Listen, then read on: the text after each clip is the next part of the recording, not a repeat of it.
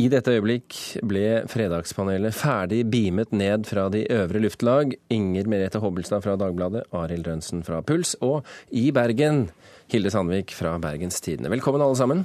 Takk, takk. Og da hører du oss her fra Oslo, eh, Sandvik? Ja, det vil jeg påstå. Og er spent på første spørsmål? Veldig. Ja. Denne uken hørte vi her på Kulturnytt at kunder på norske restauranter oftere og oftere må bestille mat og drikke på engelsk. Kelnerne kan simpelthen ikke norsk. Språkprofessor Arne Torp advarer mot denne utviklingen, og mitt spørsmål er deler dere språkprofessorens bekymringer, Arild? Nei. Inger Merete? Ja. Hilde? Ja. Hva får deg til å være skeptisk eh, Nei, ikke skeptisk til dette, Arild? Jeg skulle til å si at jeg tror at jeg, at jeg er sjeldnere på restaurant med mine to venner i, i panelet i dag. Så jeg Ja. har ikke noe stort problem med det. Men ellers er det altså, Jeg er jo av den oppfatninga sånn prinsipielt sett at vi burde Altså språk er til for å kommunisere. Og egentlig så håper jeg at om verden, kloden, om den eksisterer om 1000 år, så snakker alle folk samme språket. Om det er kinesisk eller engelsk, det vet jeg ikke. Det er i hvert fall ikke norsk. Men jeg har ingen grunn til å håpe på at norsk som et bitte lite språk skal overleve. Dette strider vel mot eh, dine grunnleggende holdninger, eh, Hilde? Ja, med, altså, med, med, med mindre alle da skal gå over på nynorsk. Så- Det er et forslag Nei, som ligger på bordet nå. Nei, altså dette er defoistisk eh, holdning fra Rønsen her, altså. Jeg, jeg bare tenker, altså Det å også tenke seg språk eh, på den måten, det er mangel på kultur og eh, dannelse for å selge, gi ordet videre til unge Hobbestad, som eh, kan snakke litt mer om dannelsen. Dannelse, rett og slett. Ja, du ligger dårlig an her nå. Inger Merete. Ja, jeg øh, tenker jo at dette har noe med at man ikke helt skjønner hvilke roller man har i en sånn situasjon. Og det er jo noe som kanskje nordmenn er litt sånn jevnt over litt skeptisk til. Det må være roller og innta ulike posisjoner i forskjellige sammenhenger. Altså En ting er jo språket, men det er jo jevnt over altså Nordmenn er vel ikke akkurat beryktet for å være, stå veldig mye på pinne for hverandre i servicesituasjoner. Det er en sånn veldig, det er denne veldig egalitære strømningen gjennom landet som har mange positive sider, men som jeg syns her kanskje overdrives litt. altså. Fordi når noen går ut og betaler godt for et måltid og skal hygge seg, det, skal, da skal det flyte. Altså da skal, du, da skal ting legges til rette for deg. Da skal du ikke, det skal ikke lugge, det skal ikke skurre. Du skal ha minst mulig ubehag. Og det er klart, hvis du må begynne å tenke på hva forskjellige fisker og kjøtttyper og deler av krøttere heter på engelsk, som ikke jeg kan, og som sikkert de færreste kan, eh, så vil dette bli en mye mer tråkket opplevelse enn det var ment å være. Så det er god service å kommunisere på et språk Men- som men- gjesten forstår og mestrer bedre enn andre språk. Men nå tok jo Agnes Moxnes opp dette i forbindelse med å bestille en halvliter. da. Og den som ikke greier å bestille en halvliter, enten på engelsk eller norsk, den, det mennesket har ikke jeg treffet. i hvert Nei, men, men dette- Hun hadde også et annet eksempel. Du kommer etter hvert, eh, Hilde. Men hun hadde også et annet eksempel, og nå skal du få lov til å, å, å oversette dette til engelsk. Eh, Kelner, det er snerk på suppen min. Nei, det hadde ikke jeg greid. ikke, sånn, ikke sånn umiddelbart så hadde jeg ikke greid det, men, men, men, men dette er, altså dette er Hvis det er noe som er mikroproblemer her i verden, så må det være det at kelneren eh, heller syns at det er ålreit med pint of lager enn en halvliter pils. Hilde. Nei, altså Dette handler jo ikke om hva kelneren syns, dette handler faktisk om holdninger. Og det handler f.eks. om eh, å snakke Altså det å lære seg et språk i det landet du bor i, handler faktisk òg om å kunne, kunne lære, altså kjenne, kjenne det landet du bor i. Og et, jeg konsekvent faktisk, altså i den type serviceyrker, med til og med kolleger, og kolleger som snakker engelsk, jeg svarer de konsekvent på norsk.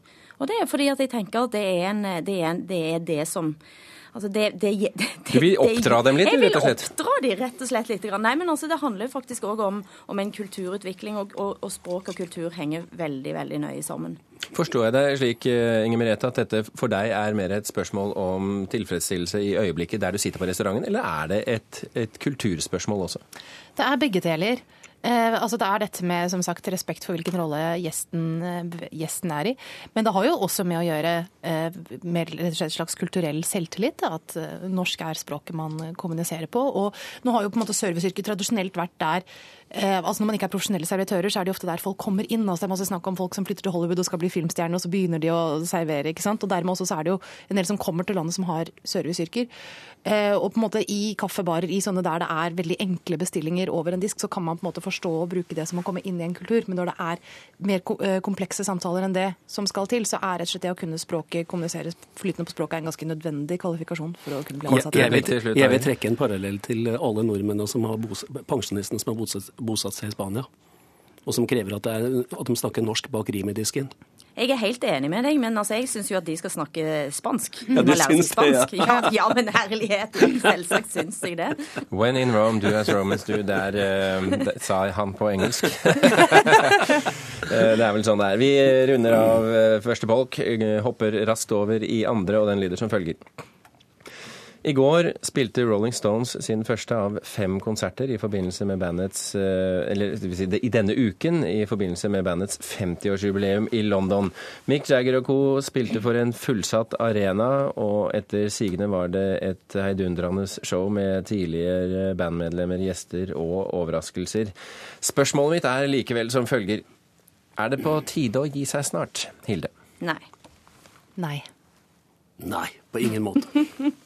Jøss! er jeg enig med disse, disse ja. to mine meddebattanter her? Ja, eh, Arild. ehm, de, de er blitt veldig stive i leddet nå.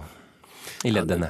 Men det eh, altså de som f.eks. har sett på det på Going Down, som ligger på YouTube nå fra, fra konserten, det vil jo si at de er jo ikke, faktisk ikke fryktelig stive ennå i leddene sine. Og, eh, og det å få se den låta som de spilte den, den ene låta, da, som er en gammel streit blueslåt. Det er jo sånn jeg ønsker at Rolling Stones skal bære. Jeg håper at den spiller sånn om ti år. Men det gjør ikke noe at de står litt mer stille og spiller? Egentlig ikke, og det var veldig fint å se at Mick Jagger ikke måtte drive og danse og herje fram og tilbake. De spilte en fantastisk blueslåt, og det er Hvis du tar tre gitarister i verden, og du har Jeff Beck, Ron Wood og Keith Richards på samme scene, så får du ikke noe særlig bedre rock'n'roll.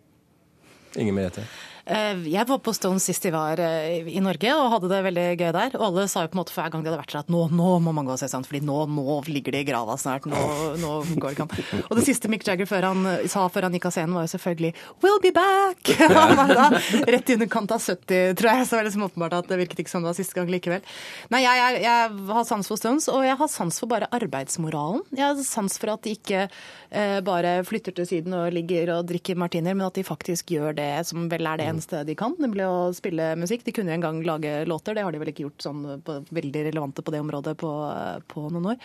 Men En det- ny singel nå som Ja. er det beste de har gjort på veldig lang tid. Yes. Ja. Men det er også noe med, altså vi kan jo trekke linjene litt mellom Stones og f.eks. en annen arbeidshest da, i kulturlivet, nemlig Woody Allen, som lager én film i året, og noen av dem er bra, noen av dem er ikke, er ikke fullt så bra. Men det er noe også med å anerkjenne at det man holder på med dels er et håndverk. da. Eh, Det er ikke slik at man må bare vente til musen taler til deg og lage et eh, kunstverk hvert eh. Det er noe med at dette kan de gjøre, og dette gjør de, og de gjør det heller enn å sitte, lene seg bakover og, eh, og bare leve på det de har gjort, og det syns jeg det står stor respekt av. Hilde? Nei, altså Jeg vil sitere Mad- Madonna, eh, som for mange år siden ble altså spurt på et TV-show med Michael Park Parkinson. Så, så fikk hun spørsmålet sånn Er ikke på tide å slutte med denne dansingen nå? Du er blitt så gammel kjerring, sant? Og så, så ser, han, ja. og så ser hun så ser hun på han, så sier han 'Don't you frame me', sier hun. Og det er altså, så Jeg mener jo at folk skal holde på med akkurat altså så lenge noen vil se på og betale for òg, men uten òg. Altså, Hvorfor ikke, altså? Og det, men det, det, det, det verste er at det bør jo følge opp på underholdning på gamlehjemmet. For det, at det er jo, der må en fremdeles høre på sånn Just Nilsen og den slags. Det er kanskje på tide å kjøre en Rolling Stones. Men, men, men Hilde, for, forskjellen på Rolling Stones og Madonna vet du, når du snakker om dansing, det er at Madonna aldri har kunnet danse, men Rolling Stones er verdens beste rockemusikere. Det er stor forskjell. ja. Jeg syns jo det er fint bare å se at de ennå lever. Altså Keith Ratchers, At den mannen står oppreist, er jo et av historiens største mirakler. Men det var, jeg hørte noen som sa en gang at når apokalypsen kommer og alt går under, så er det to ting som kommer til å overleve, og det er kakerlakkene og Keith Richards. Ja, men han, han må, det, I det øyeblikket han eventuelt dør, for det vet vi jo ikke ennå, Eventuelt. dør, så må, han- så må han legges på i, i sånn lake og få undersøke Ja. hvordan det er mulig at en mann kan overleve i så lang tid ved å ha levd det livet han, le Men han de er jo fulle av all slags greier, vet du. Vi, vi er jo vant til å se gamle jazzmusikere eldes med, med en slags form for eh, ærerikhet, eh, men de blir sittende og spille etter hvert. Er det også løsningen for gamle rockere, Hilde? Ja da, sitt gjerne, altså. Ligg. Jeg, jeg har skrevet om det mange ganger, og det er i hvert fall 20 år siden jeg har skrevet om det første gang, at jeg håper at Rolling Stones, neste gang jeg skulle se dem, så sitter de og spiller seig blues og Mick Jagger og Keith Richards sitter på en scene på en stol. De trenger ikke noe mer, for det er det de er best til. Ja, det er jo bluesband, det Ja, det er. et, det er et rhythm and bluesband, og det er noe helt annet enn den såkalt den R&B-en som er populær per i dag. Rihanna, det er noe helt annet. Og her ante vi en liten misnøye med, med tidens eh, Hvordan den er i dag. Ungdommen og den slags. Da tror jeg du ante riktig. Ja, ok. Vi kan, ikke, vi kan ikke lede deg inn i det der, Arild, for det tar lang tid. Vi hopper heller over i siste bolk i dagens eh, fredagspanel. Og den eh, lyder som følger. Den internasjonale leketøyskjeden Toys R Us presenterer eh, denne uken sin leketøyskatalog med kjønnsrollemønstre tilpasset forskjellige land. I den svenske katalogen leker gutt med dukkebaby og jente med et maskingevær. I den norske katalogen gutter med gevær og jenter med dukker som vi er vant til. Spørsmålet er hvem har den, eh, har den beste tilnærmingen? Sverige eller Norge? Arild. Jeg heier ikke på noen av dem. Jeg heier på Island. Da. Der er det ikke geværer i det hele tatt. Sverige. Hilde. Norge. Drømmescenario. Kom igjen, eh, Hilde. Hvorfor er Norge best? Nei, hvis du ser på konsekvensene i Sverige, stekere på Stureplan, er det der vi ønsker oss? Nei, vet du hva? Det er mye alvor å si om dette, men jeg, eh, jeg tror faktisk etter hvert at vi er nødt til å ta en diskusjon om, eh, om gutter. Gutter faller utenfor. Gutter har, altså sånn i skolen, En har siden 80-tallet drevet en tydelig strategi for jenter både i barnehagen og skolen. Jeg tror at det viser igjen. Og jeg, jeg er, er overhodet ikke sikker på at mangel på gevær, lekegevær i barnehagen, er, er, er tingen som får eh, oss på rett vei, altså. Vet Eh, må det sies at jeg egentlig er sterk motstander av at eh, leker øremerkes enten den ene eller den andre veien. Både at det kjøres for sterkt på, på en måte, det tradisjonelle eh, dukker for jenter og, og pistoler for gutter, men også den liksom krampaktige vektleggingen av det motsatte, da, som jo var tilfellet en gang på det oransje korfløyelkledde 70-tallet, kanskje særlig, men som dels har holdt seg. Men grunnen til at jeg syns eh, dette med fra Sverige kanskje er en god idé, det er Jeg ble slått av noe som Dag Øystein Ensjø, altså forskeren, kjønnsforskeren, skrev i avisen for litt siden, er at det er blitt veldig mange tøffe jenter i populærkulturen. Du ser at Disney-filmene eh, har veldig mange jenter som ikke vil, de vil ikke gå i kjoler, de vil ri på hester og skyte med pil og bue, og så å nei, og så får de ikke lov til det. Men det er nesten ingen eksempler på det motsatte.